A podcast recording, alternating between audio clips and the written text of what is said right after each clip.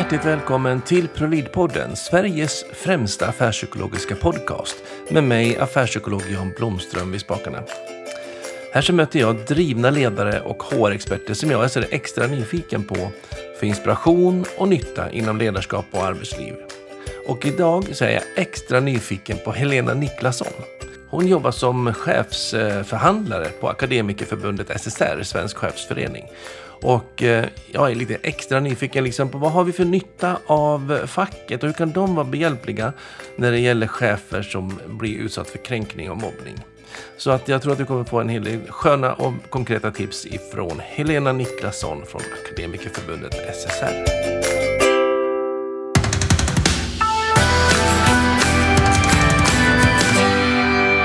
Hjärtligt välkommen till ProLid-podden jag till Helena Niklasson. Tack så mycket. Eh, jag har ju ett tema här lite grann i podden om chefer som far illa och blir mobbade och kränkta och liksom blir ganska tilltufsade.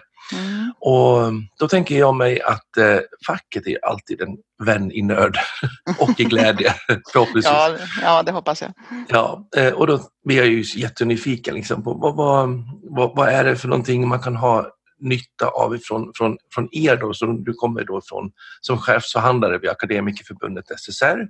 Så det är någonting jag tänker att vi ska prata lite grann kring idag. Men jag är mm. också mm. nyfiken på vad är det som får dig att brinna för de här frågorna och fackliga frågorna och gå in i det här? Så vi börjar i den änden. Vem är du och vad brinner du för i det här? ja, jag är Helena Niklasson och jag jobbar då som chefsförhandlare på Akademikerförbundet SSR. Och hos oss så har vi den ordningen att eh, om man är chef och medlem så är man också automatiskt medlem i Svensk chefsförening. Mm. Vi har 9000 chefer som är medlemmar hos oss. Och då får man stöd och hjälp direkt av oss chefsförhandlare som har egen chefserfarenhet. Och det tror jag är väldigt viktigt. Och de här frågorna, eh, mobbning, arbetsmiljö, är ju alltid på högkant bland våra chefer. Mm. Eh, och mobbning är ju helt oacceptabelt och ingen ska behöva utsättas för det. Nej.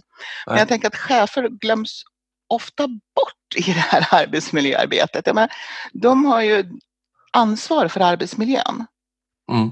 Men deras egen arbetsmiljö, det är den som ofta glöms bort. Och mm. det, det jobbar vi för att förändra. Mm. Och alltså min erfarenhet är ibland att de höga cheferna, mm de skulle aldrig bli anställda som första linjechefer eller mellanchefer. För att de fuskar så ofta med, med sitt ansvar att skapa miljön neråt. Nu raljerar jag lite grann kanske. Men ja, nej, jag, jag, tror inte att, jag, tror inte att de, jag tror inte att de fuskar, men det är den här eh, dubbla rollen som företrädare för arbetsgivaren och samtidigt vara anställd mm. och medarbetare.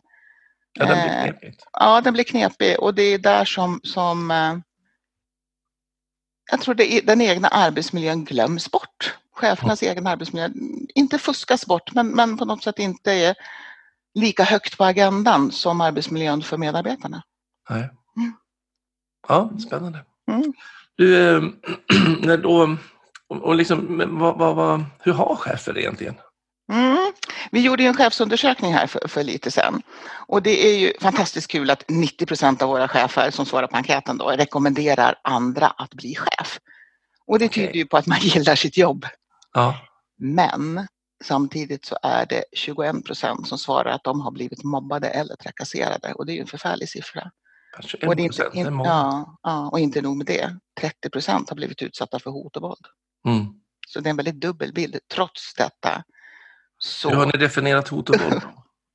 Alltså vi har bara mm, ställt frågan rakt upp och ner, hot och våld. Ja, och hot så... och våld det är ju hot om våld, alltså det är verbala hot och det är också fysiskt våld. Mm. Mm. Men det är ju sjukt högt ändå. Ja, det är sjukt högt. Mm. Det är det, det, det, där jobbet man går till på morgonen, när man vaknar och dricker lite kaffe och mm. tar sig iväg och promenerar bort över eller åker buss eller mm. bil eller vad man gör. Öppnar dörren och kliver in på sin arbetsplats.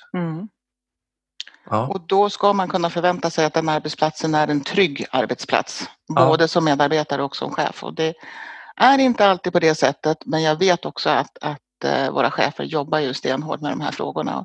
Hot och våld är inte, det är, alltså det är nolltolerans. Vi har nolltolerans för detta verkligen. Men man ska äh, väl få ha skinn på näsan som chef, hör man ju. Vad tänker du kring sådana kommentarer? ja, alltså, jag vet Ingår i rollen? Välkommen i gänget. Ja, nej, skinn på näsan, det vet jag inte. Utan jag menar, som chef ska man också, som jag säger, förvänta sig en trygg arbetsmiljö. Jag tror däremot att det är viktigt att man har, att man har klart för sig och att det också är klart i organisationen vilka mandat och befogenheter man har som chef. Mm. Och jag tror också att det är av största vikt att man klargör krav och förväntningar. Alltså vilka krav och förväntningar har jag som chef på mina medarbetare? Och vilka krav och förväntningar har mina medarbetare på mig? Mm. Så att man är överens om det. Och sen är det ju också viktigt att jag som chef har klart för mig naturligtvis vilket uppdrag jag har ifrån arbetsgivaren och vilka krav och förväntningar som finns på mig från min arbetsgivare. Där brukar det ibland finnas ganska klara såna här direktiv att vara chef hos den här arbetsgivaren och så får man skriva på det. Men ja. där, där glöms det ofta bort den här ömsesidigheten. Chefen har ju också rätt att ha krav och förväntningar på sin arbetsgivare. Ja. Och är det här klart och kommunicerat i organisationen, då finns det större förutsättningar för en bättre arbetsmiljö. Och också att det man har på pappret som är så nedpunktat och klart mm. också efterlevs. Precis, exakt. Ja, ja, absolut. Det räcker ju inte att man har en, en, en, ett papper som man har skrivit på. Självklart så måste man leva upp till, till de eh, överenskommelserna. Ja, och det kan jag tycka ibland att man, när de chefer jag träffar som affärspsykolog, eh, att eh, man har liksom ganska tydligt i själva dokumenten och policies mm. och sånt där. Mm. Men, men klimatet och kulturen i vardagen är inte så som det står i papperna. Nej, och då måste man ju fundera på varför är det så då? Mm. Stämmer inte papperna med verkligheten? Går inte att omsätta i verkligheten? Då måste man ju jobba igenom sina papper. Mm. Eh, sen tycker jag också att man måste titta på och, och vara överens om vad betyder det som står? Vad betyder till exempel delaktighet? Ja. Vad betyder transparens? Det är sådana där ord som, som, ser väldigt tjusiga ut och så mm. blir kanske medarbetarna jättebesvikna och säger, men vadå, vi är inte delaktiga i det här beslutet.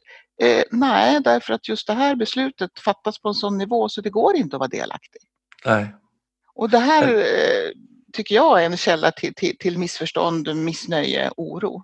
Mm, och de där begreppen är, hemskt enkelt att snabbt hålla med om. Ja, precis. Jag ställer upp. Liksom. Ja. ja. Här men, är vi transparenta, här är vi delaktiga. Ja, och så säger alla ja, men alla sitter med en egen version av vad det är. Exakt, exakt. Och då måste man liksom vara överens om vad betyder transparens här och nu?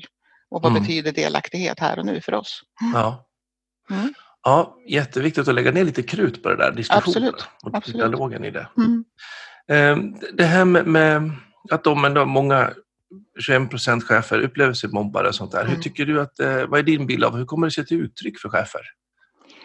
Alltså det är på samma sätt som för alla andra. Det är ju allt ifrån utfrysning, ignorering, ryktespridning och sen ända upp till hot och våld.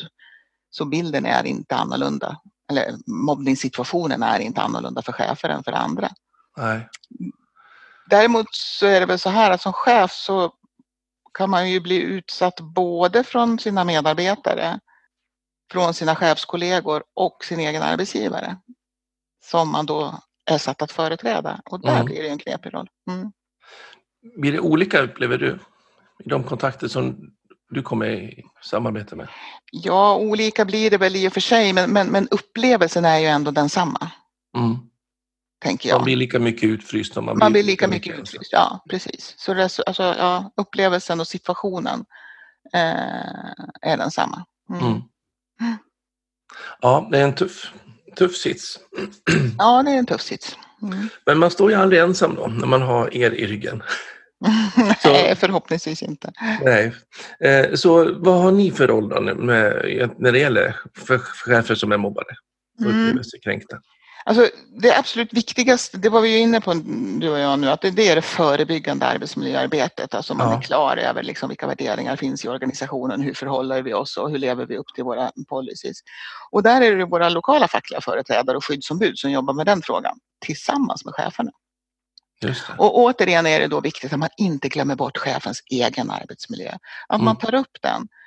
Alltså cheferna har ju klart för sig om och hur de har sitt arbetsmiljöansvar. Men vem har arbetsmiljöansvaret för chefen då? Mm. Till exempel. Och sen jobbar vi också så att Om man då själv blir utsatt, ja då kontaktar man oss. Mm. Eh, och vi kan ju fungera alltså, dels som bollplank. Att vi, vi står bakom chefen och bara eh, lyssnar, coachar, rådger. Mm. Eh, ibland brukar jag säga att vi kan ställa oss bredvid chefen och hålla handen. Ja. Eller Det är så, faktiskt det man behöver ibland. ja precis. Och ibland så ställer vi oss framför chefsmedlemmen och företräder chefen gentemot arbetsgivaren i Mm. en ren förhandling. Så att säga. Mm. Och det där kommer man överens om tillsammans med chefen hur, hur de vill bli, eh, vilket stöd de vill ha, hur de vill bli företrädda. Ja. Jag tänker på det här med att du pratar om eh, att det är förebyggande och att ta diskussionen om arbetsmiljön. Mm. Eh, Hur, hur ser du på det här med att man tillsammans med sina medarbetare diskuterar min arbetsmiljö som chef? Ja, det, ja vi, vi är ju alla varandras arbetsmiljö så i, i, i viss mån så, så, så tycker jag man kan göra det. Alltså, arbetsmiljö är ju, ska vara i alla fall, en återkommande punkt på dagordningen i alla sådana här APT, arbetsplatsträffar eller enhetsmöten eller vad man nu kallar möten som man har tillsammans med sina medarbetare. Mm. Och det är klart att har chefen då eh, synpunkter eller frågor så kan man visst ta upp det också. Men jag tycker också att det är viktigt att arbetsmiljö är en stående punkt på ledningsgruppens sammanträden. Mm. Där kan man prata om chefernas arbetsmiljö. Och då är det inte bara arbetsmiljön ute i grupperna utan det Nej. är våran. Ja, vår Mm. arbetsmiljö, precis. Mm. Eh, Jag tänker nämligen det här med att, eh, att man som chef för sin medarbetare, man är ju på ett sätt i samma sits, för vi är där av samma anledning. Fast Mm. man ska fylla dagarna med lite olika saker. Det är medarbetare kanske de som, som ska göra själva jobbet och ledaren är den som skapar förutsättningar för jobbet. Om man drar den förenklingen. Eh, Men då är vi också, liksom, vi är bägge två, vi är två om saken om varandras arbetsmiljö. Så jag brukar ofta förorda nämligen det att diskutera tillsammans med sin grupp om hur min, min roll som chefs arbetsmiljö, alltså min arbetsmiljö påverkas av hur de jobbar som grupp. Däremot kanske inte ska ligga, sitta och berätta om hur, hur mina kollegor i ledningsgruppen är. Nej, precis. Där ska man så inte Mm. läcka neråt. Men, Nej. men att det som berör oss, mig och Mm. min medarbetargäng, Mm. hur, hur har vi det tillsammans? Mm. Den tycker jag är faktiskt jätteviktig att ta många Ja. gånger. Men som man Ja. inte riktigt tar. Nej, och och jag tror att det är ganska svårt därför att alltså, när det gäller arbetsmiljön så är ju chefen en del av gruppen. Ja, Men i verksamheten är man ju inte en del av gruppen utan man leder gruppen. ja, Och det är väl Och- där det blir, kan bli lite knepigt. Men icke desto mindre, som jag sa, man är varandras arbetsmiljö. ja. Och man då är medarbetarna chefens arbetsmiljö också. Mm. ja, det blir liksom verkligen det. Och att, i och Mm. med att man är inte liksom i produktionen tillsammans, men man är ju möjliggörande så att man är beroende av varandra, så att man är Ja. beroendeställning. Precis. Bägge parterna. Och Mm. det, därför är det viktigt att ta det. Så att er som lyssnar, i alla fall uppmuntrar jag, och det lät inte som du sa emot mig i alla fall, ta diskussionen om varandras arbetsmiljö. Absolut. Håller med. Mm. Eh, Men och sen också att man fortsätter att ha de här temana i, på, på dagordningarna varje Mm. gång och prata arbetsmiljö. Ja, precis. Och, och, och framförallt då som du sa i ledningsgruppen att man inte bara pratar medarbetarnas arbetsmiljö utan också chefernas egen arbetsmiljö. Mm. Eh, Det här med att man gärna pratar buller och ljus och ståbord och sånt där. Mm. Om man, att som, arbetsmiljön är liksom för inpinkad i det Mm. kontra de här mer mjukare frågorna kanske. Hur ser du på den balansen? Ja, det, är, det är en tradition och, och, och, som har varit länge och den fysiska arbetsmiljön är ju oerhört viktig eh, naturligtvis. Mm. Om, men när man gör sådana här skyddsronder så tittar man ju ofta på den fysiska arbetsmiljön. Jag tycker man ska göra psykosociala skyddsronder också. Ja. Mm. Ja, Det har ju stärkts upp i alla fall i, i lagstiftningar och Ja, sånt där. Så att Mm. det, det, vi är på väg. Vi är på väg. Men den är Mm. jätteviktig. Ursäkta, att ta och verkligen jobba med det. Mm.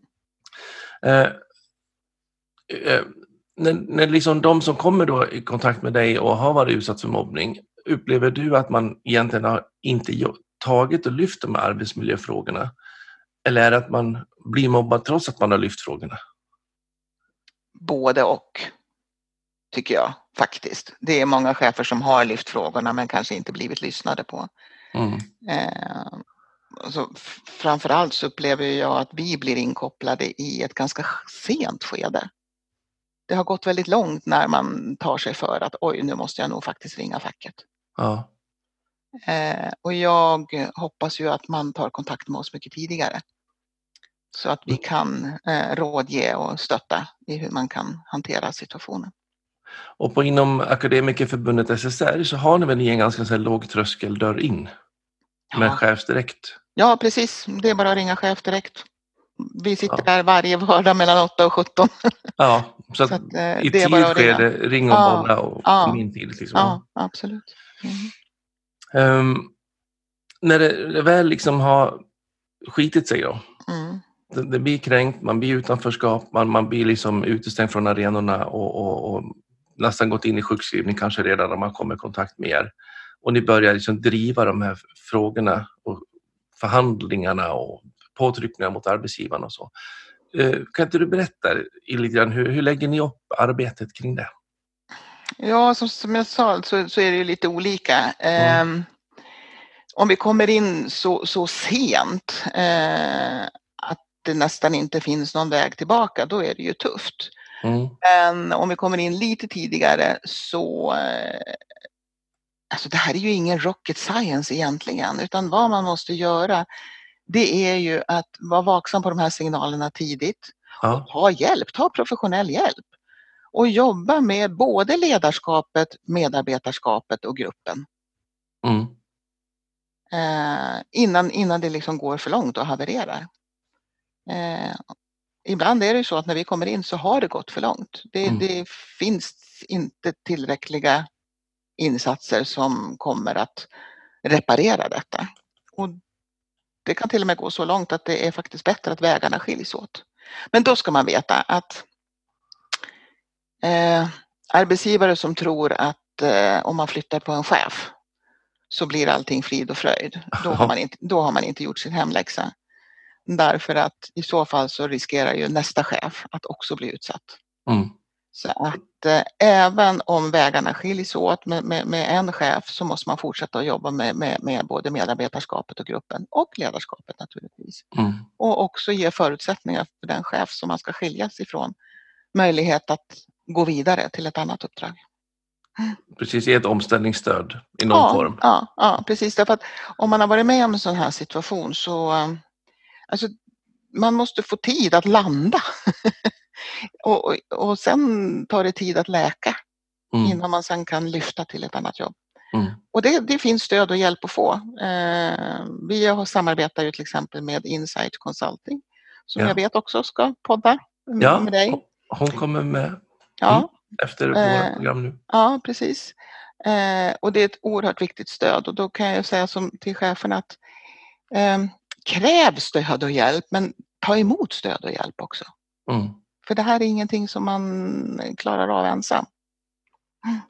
Och det är ju en utmaning i sig, för många av Mm. de här som blir utsatta, de har ju inte identifierat sig som hjälpbehövande någonsin. Nej, nej, det är Så man är ju oftast tvärtom, att den som har fixat och Ja. fått till saker himla Ja. bra.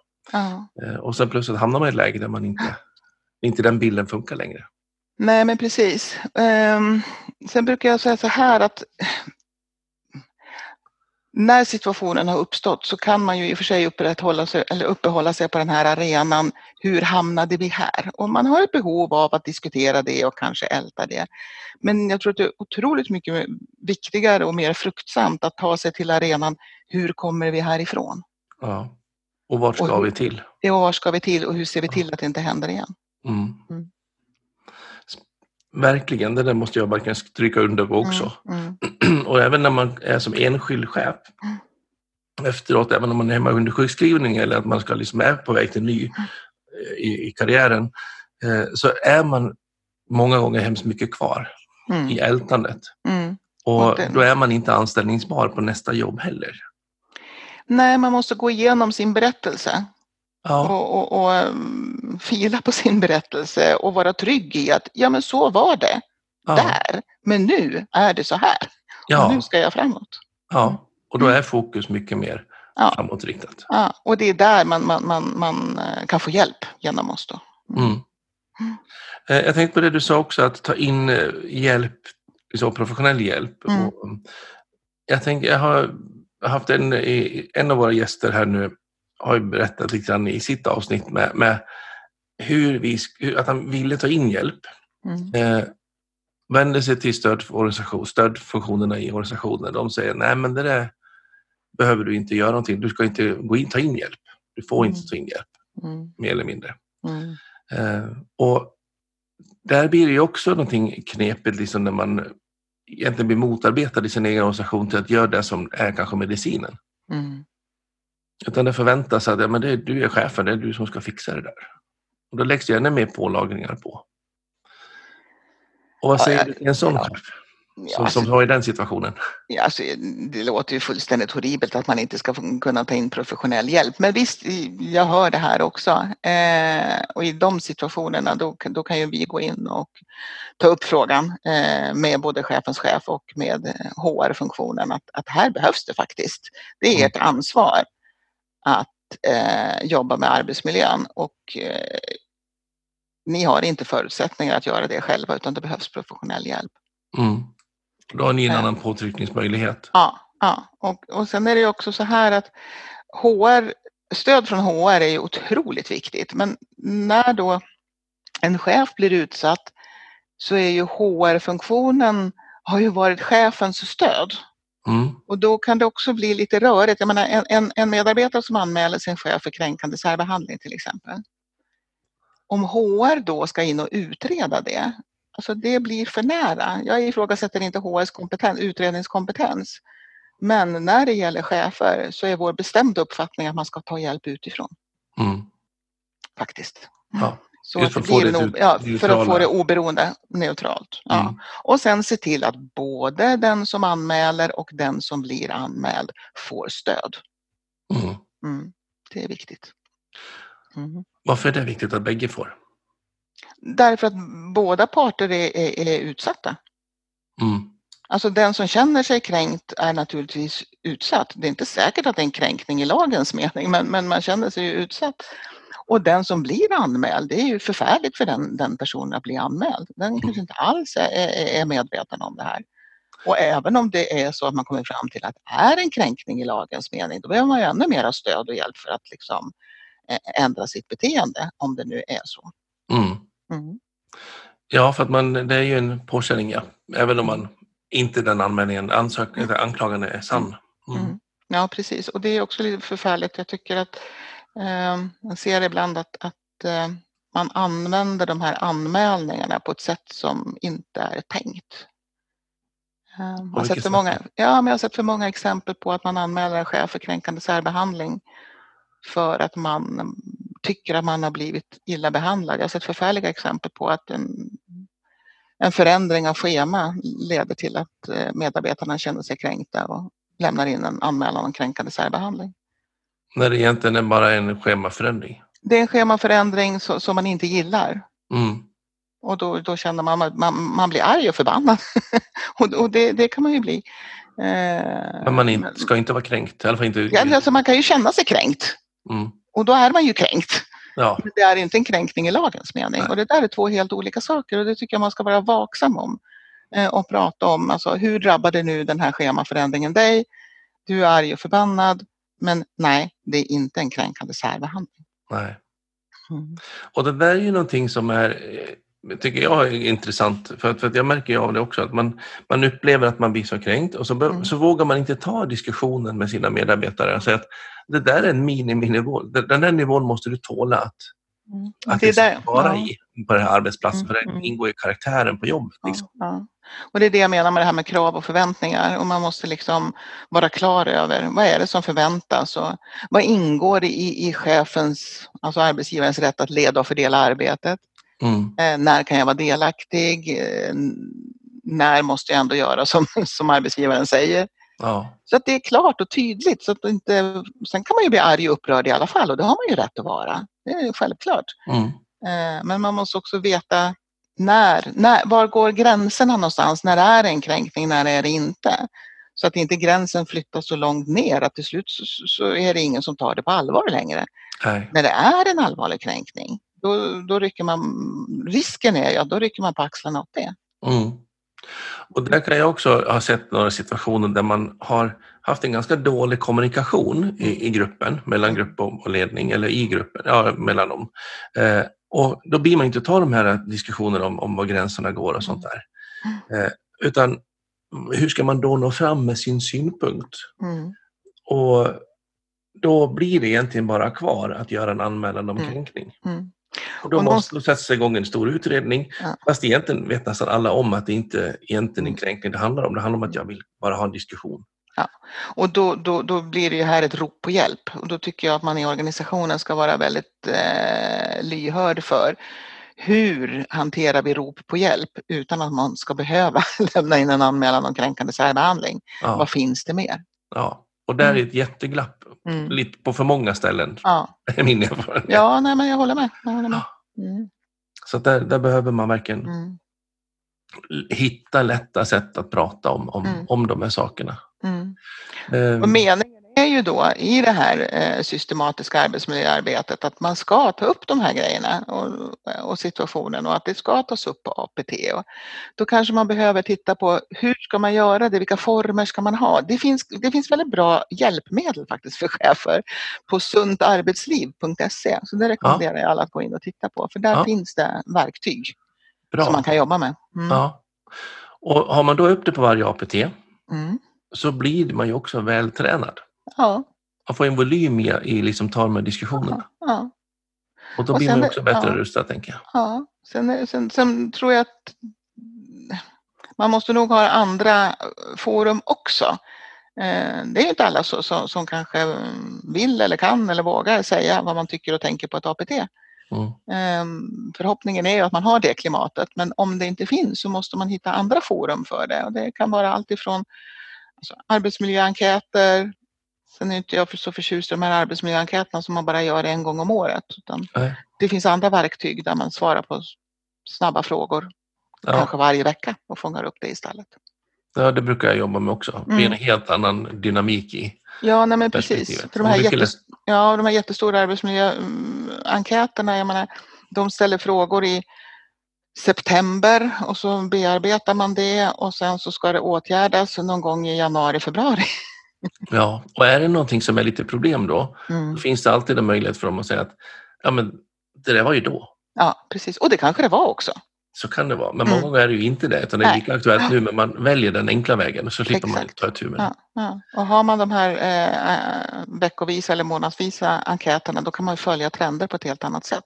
Ja, Och då kan man ju också se, liksom, nej, men nu är arbetsbelastningen hög. ja. Eh, Om man kan prognostisera Ja, effekterna. Ja, Ja, ja, precis. Mm. Så att ni som inte jobbar systematiskt och inte frekvent med det, börja med det. Det är Absolut. så härligt. Ja.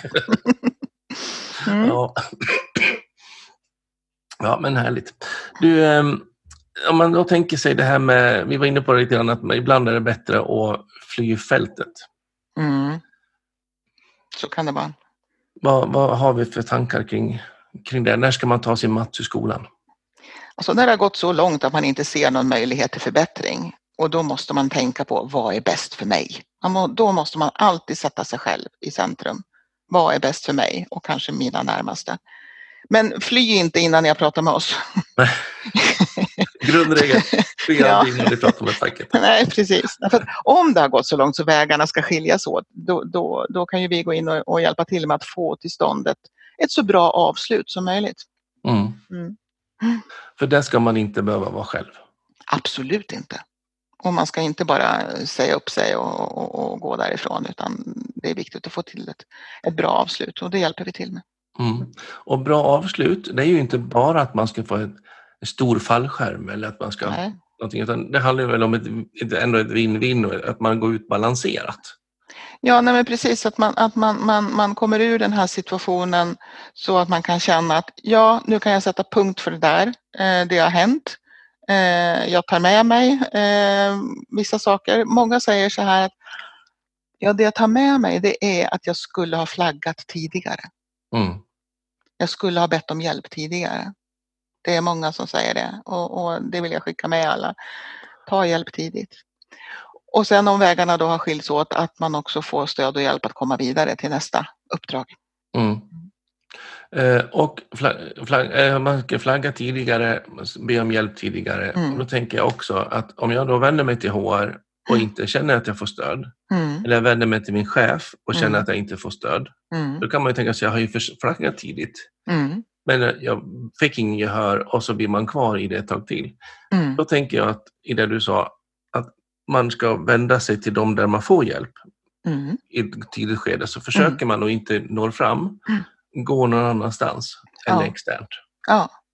Och, och, och, och vi har ju påtryckningsmedel. Vi kan ju eh, trycka på eh, och komma i kontakt med arbetsgivaren i ja, så, antingen en ren förhandling om arbetsmiljön eh, eller i alla fall en diskussion om, om vad som behövs. Mm. Så att man inte är ensam då i den situationen som chef. Ja. Mm. Jättespännande. En viktig part i de här frågorna tycker jag. Mm. Ni gör ett jätteviktigt arbete. Mm. Eh, och om man då vill komma i kontakt med dig lite mer framöver, var, var får man kontakt med dig någonstans? Ja, dels så kan man ju ringa till chef direkt som jag sa. Mm. 08 617 44 00. Knappval 3 tror jag det är. Ja. Eh, där sitter jag eller någon av mina eh, kollegor som också är chefsförhandlare varje vardag mellan 8 och 17. Mm. Eh, så ring dit för att eh, få råd och stöd eh, och hjälp. Eh, och vill man kontakta mig direkt så går det alldeles utmärkt. Enklast kanske via mail. Ja. helena.niklasson akademssr.se. Suveränt. Mm. Chefsdirekt eller på mejl. Japp, Välkomna. Jättespännande. Tusen tack för att du ville vara med. tack för att jag fick vara med. Gillar du också avsnittet? Ja, gilla, dela och kommentera då gärna ProLead på din plattform. På Facebook, Instagram, Twitter eller på LinkedIn. Och eh, var en del av vår talangaccelererande miljö. Och du vet väl också att du kan besöka oss på prolid.se för att ta del av hur vi jobbar med att talangaccelerera Sveriges arbetsliv genom de tjänster, utbildningar, böcker, bloggar och podcast som vi har. Och sen såklart, följ mig jättegärna på LinkedIn så kan vi hänga där. Eh, man vet aldrig riktigt vad våra nätverk kan ta oss vidare till. Så att eh, Jan Blomström på LinkedIn och tills vi hörs igen, ha en riktigt bra dag.